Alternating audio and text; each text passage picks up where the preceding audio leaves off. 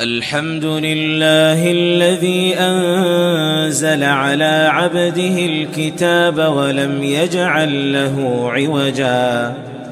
قيما لينذر بأسا شديدا من لدنه ويبشر المؤمنين الذين يعملون الصالحات أن لهم أن لهم أجرا حسنا ماكثين فيه أبدا وينذر الذين قالوا اتخذ الله ولدا ما لهم به من علم ولا لآبائهم كبرت كلمة تخرج من أفواههم إن يقولون إلا كذبا فلعلك باخع نفسك على آثارهم إن لم يؤمنوا بهذا الحديث أسفا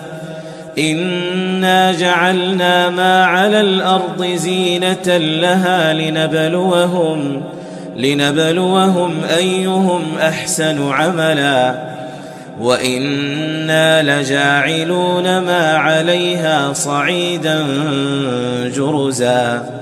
أم حسبت أن أصحاب الكهف والرقيم كانوا من آياتنا عجبا؟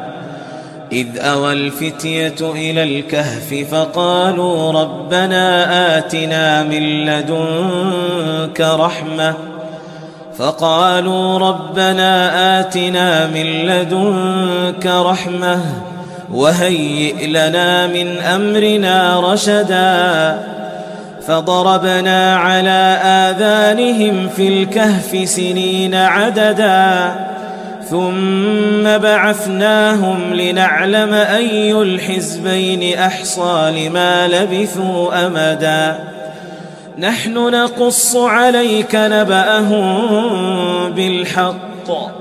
إنهم فتية آمنوا بربهم وزدناهم هدى.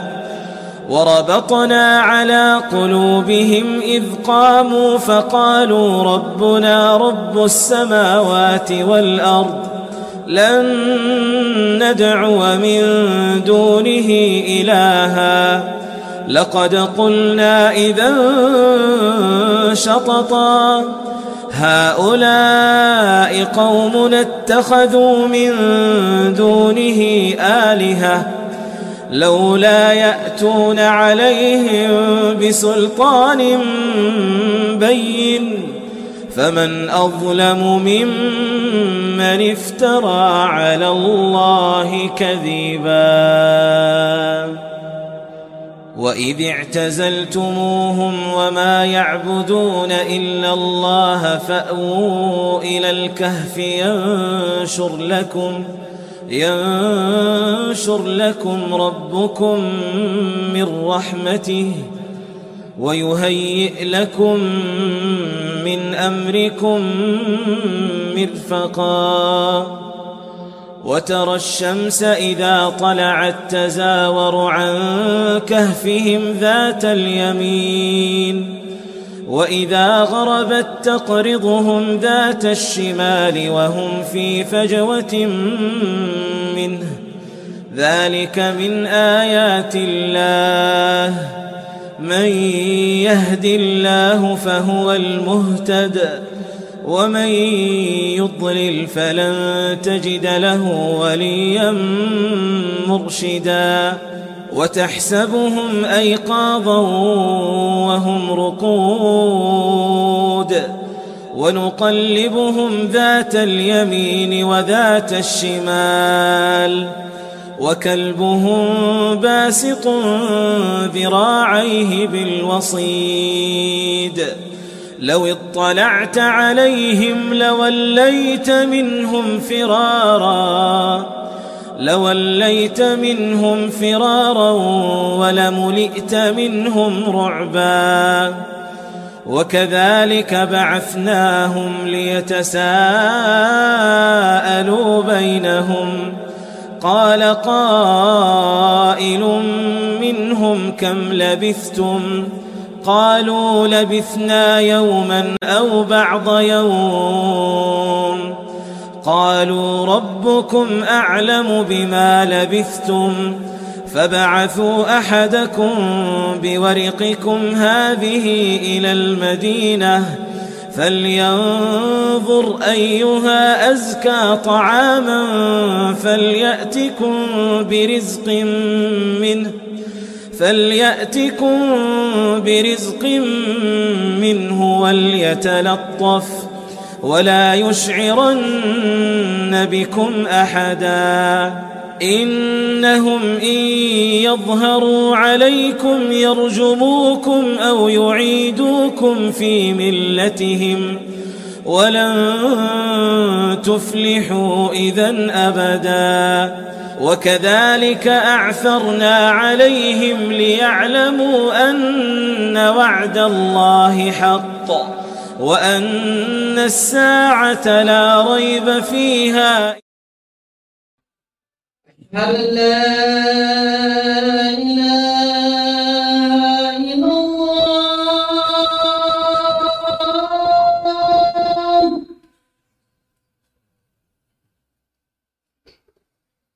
أشهد أن لا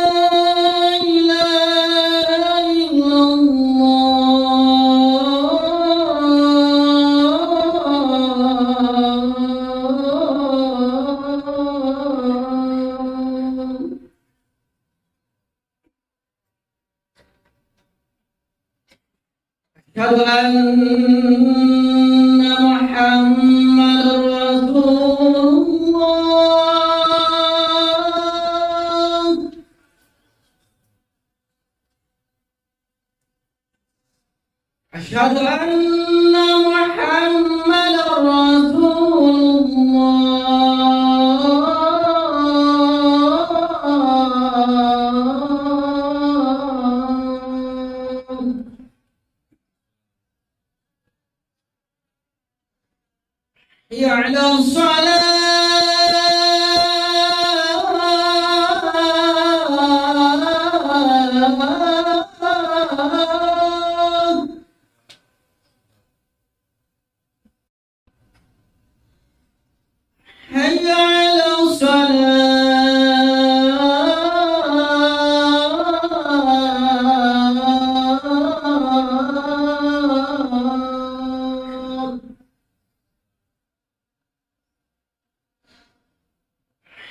على فلا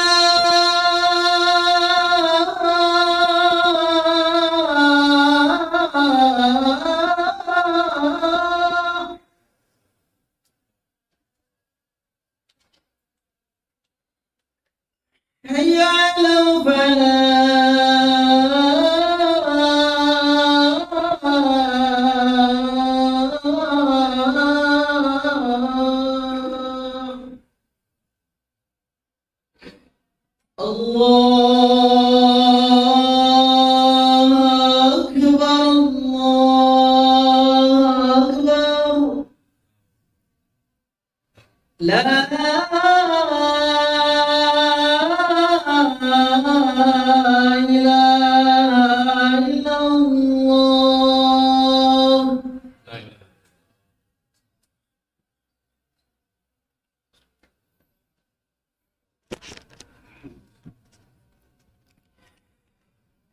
الحمد لله نحمده ونستعينه ونستغفره ونعوذ بالله من شرور أنفسنا وسيئات أعمالنا.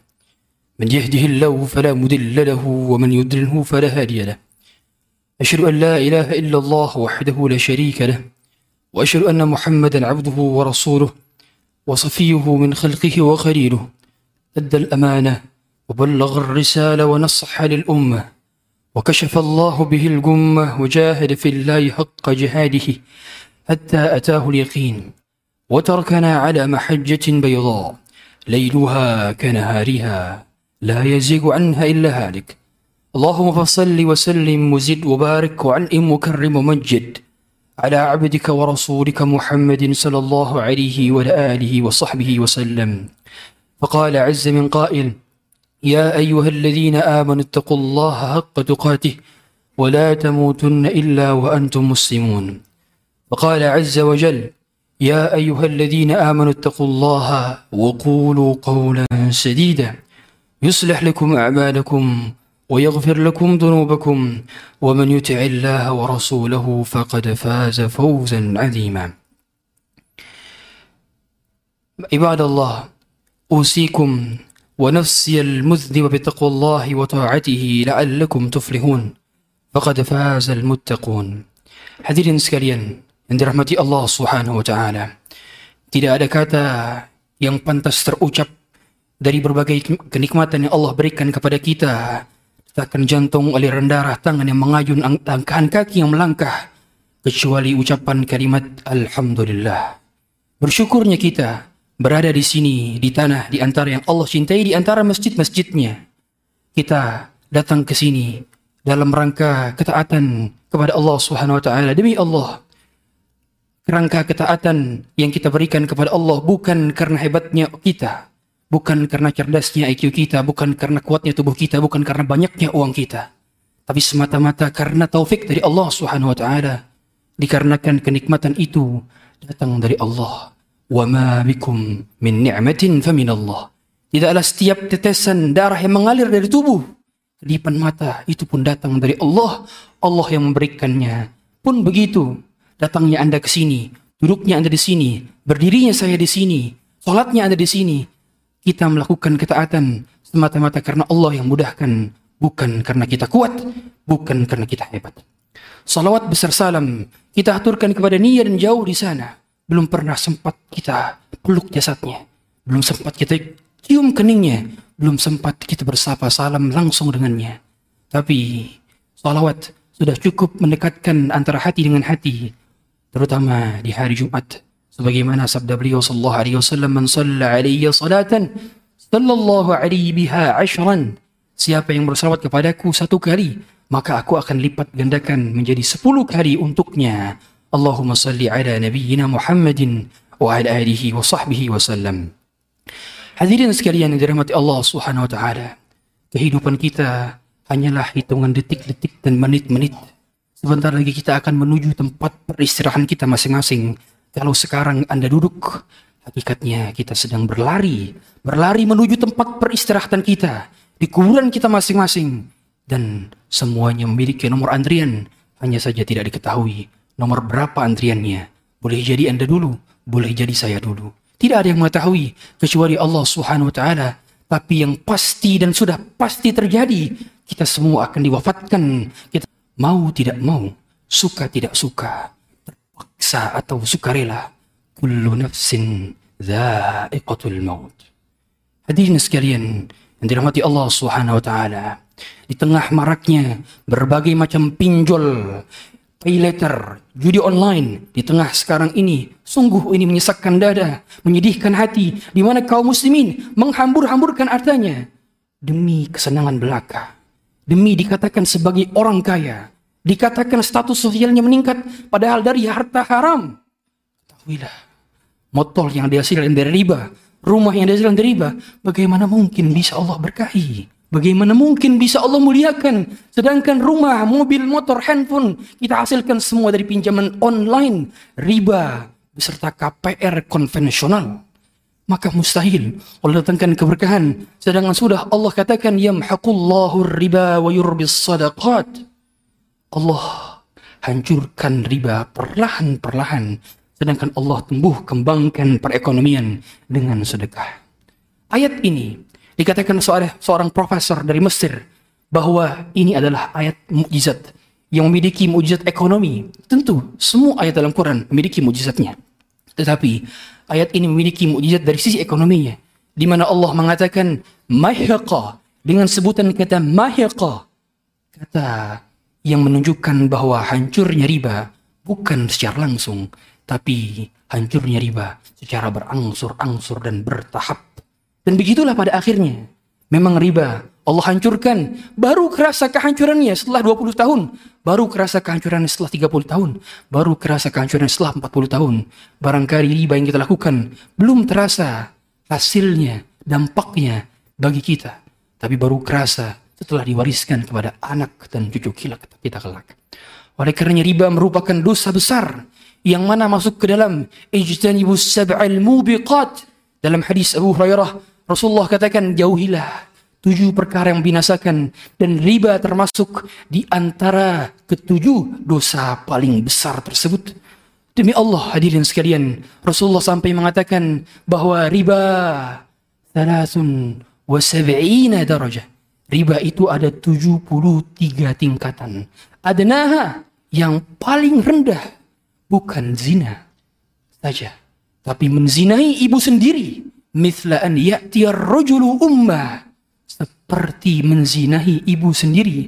Bayangkan siapa di antara kita yang mau dan bisa menzinahi ibu kita sendiri dan tidak lain itu dilakukan dosanya oleh para pemakan riba, para pelaku riba dan orang-orang yang mendeklarkan orang-orang yang menyetujuinya.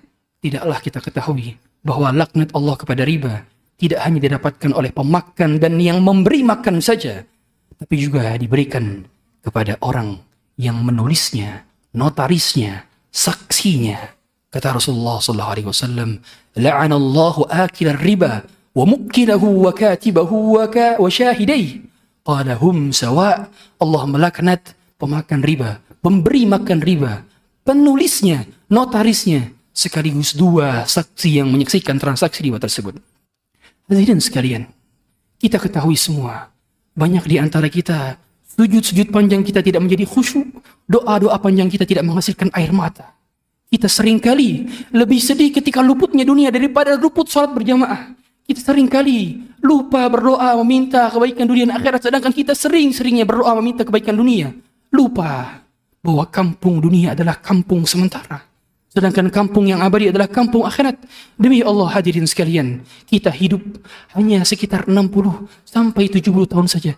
Itu pun kalau mendapatkan bonus dari Allah Subhanahu wa taala. Tapi nyatanya umur kita tidak ada yang mengetahuinya. Sedangkan kehidupan kita singkat.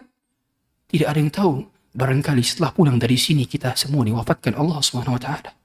Maka jangan pernah remehkan setiap detik dari umur-umur kita kecuali kita menyaksikan bahwa ada amal soleh yang tercatat, ada dosa yang terampuni. Jangan sampai pulang menghadap Allah Subhanahu wa taala dalam keadaan ada dosa kepada makhluk, ada dosa kepada Khalik. Demi Allah, ini adalah sebuah keniscayaan yang akan diterima oleh orang-orang yang meremehkan dosa-dosa. Hadirin sekalian, jangan pernah remehkan dosa. Kita semua akan mati. Aynama takunu yudrikumul maut walau kuntum fi burujim musyayyadah. Seandainya kalian hidup di bawah benteng-benteng besar yang tidak mampu tembus oleh peluru, niscaya kalian akan diwafatkan oleh Allah Subhanahu wa taala. Orang bisa mati dalam keadaan apa pun. Sedang khutbah saja bisa mati. Sedang mendengarkan khutbah saja bisa mati. Sedang berjalan bisa mati. Sedang duduk bisa mati. Sedang bernyanyi bisa mati. Sedang baca Quran bisa mati. Entah dalam keadaan seperti apa.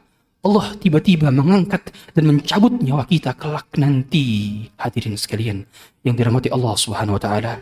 Maka cukuplah sebuah sabda dari Rasulullah SAW yang menyatakan sayakunu min ummati sayakun fi akhir zaman la yakunanna fi akhir min um, akhir min ummati ada di akhir zaman kaumun satu kaum la yubalil mar'u bima akhadha al-mal amin halal amin haram akan ada di waktu di akhir zaman di mana kaumnya, masyarakatnya sudah tidak peduli lagi dari mana datangnya yang halal, dari mana datangnya yang haram.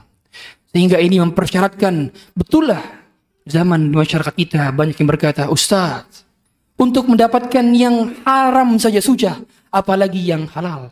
Mereka berpikir demikian tidaklah karena mereka tidak belajar bahwa ternyata yang halal itu lebih banyak dibandingkan yang haram. Dan ketika Allah mengharamkan sesuatu, sudah pasti ada substitusinya, sudah pasti ada alternatifnya, dan sudah pasti yang halal lebih banyak dibandingkan yang, yang haram. Hadirin yang dirahmati Allah Subhanahu wa taala, maka mulai detik ini jangan pernah lakukan lagi transaksi riba, baik pinjaman online judi online yang mengandung daripada unsur gharar. Juga termasuk di dalamnya adalah pay letter yang mana pay letter yang digunakan adalah pay letter konvensional.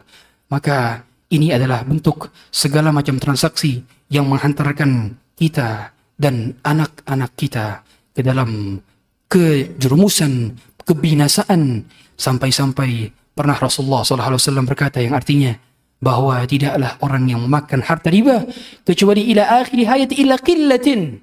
Pasti ujung-ujungnya jadi jatuh bangkrut. Miskin. Ini adalah sebuah janji Rasulullah SAW siapa yang melakukan transaksi riba terlihat kaya. Sekarang terlihat kaya. Tapi nanti pada akhirnya dia akan Allah buat miskin hilang keberkahan yang Allah berikan kepada hartanya, hilang kemakmuran, hilang ketenangan, hilang kebahagiaan. Apa yang dicari dunia ini kalau bukan kebahagiaan? Hadirin sekalian, kita semua menginginkan kebahagiaan dunia dan akhirat dan itu tidak didapatkan dari memakan riba, dari memberi makan riba. Orang yang melakukan transaksi pinjaman online dengan konvensional, maka ini dia telah memberi makan riba dan pada akhirnya hidupnya akan sengsara, hidupnya akan melarat dan sudah Rasulullah jamin itu dalam sebuah hadis. Hadirin sekalian dirahmati Allah Subhanahu wa taala.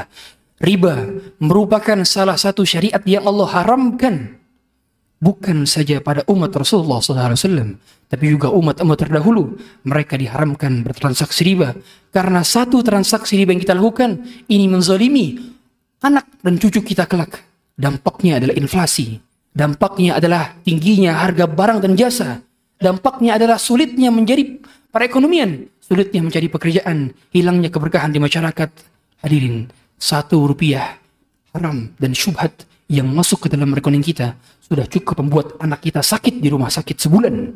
Hadirin, satu rupiah haram dan syubhat yang masuk ke dalam rekening kita, ke dalam dompet kita, sudah cukup menjadikan sholat kita khusyuk selama, tidak khusyuk selama setahun. Maukah kita salat dalam keadaan tidak khusyuk? Maukah kita amal ibadah kita seperti tidak ada rohnya? Maukah kita demikian? Hadirin, mulai detik ini segeralah putuskan jangan lanjutkan transaksi riba Anda bahwa kebaikan dan kebahagiaan dunia akhirat ada pada dalam menjalani syariat-syariat Allah yang sudah Allah tuliskan dalam Quran dan sudah Rasulullah SAW sabdakan. Demikian yang dapat kami sampaikan. Barakallahu li wa lakum fil Qur'anil azim. ونفعني وإياكم بما فيه من الآيات وذكر الحكيم. تقبل الله مني ومنكم تلاوته. إنه هو الغفور الرحيم.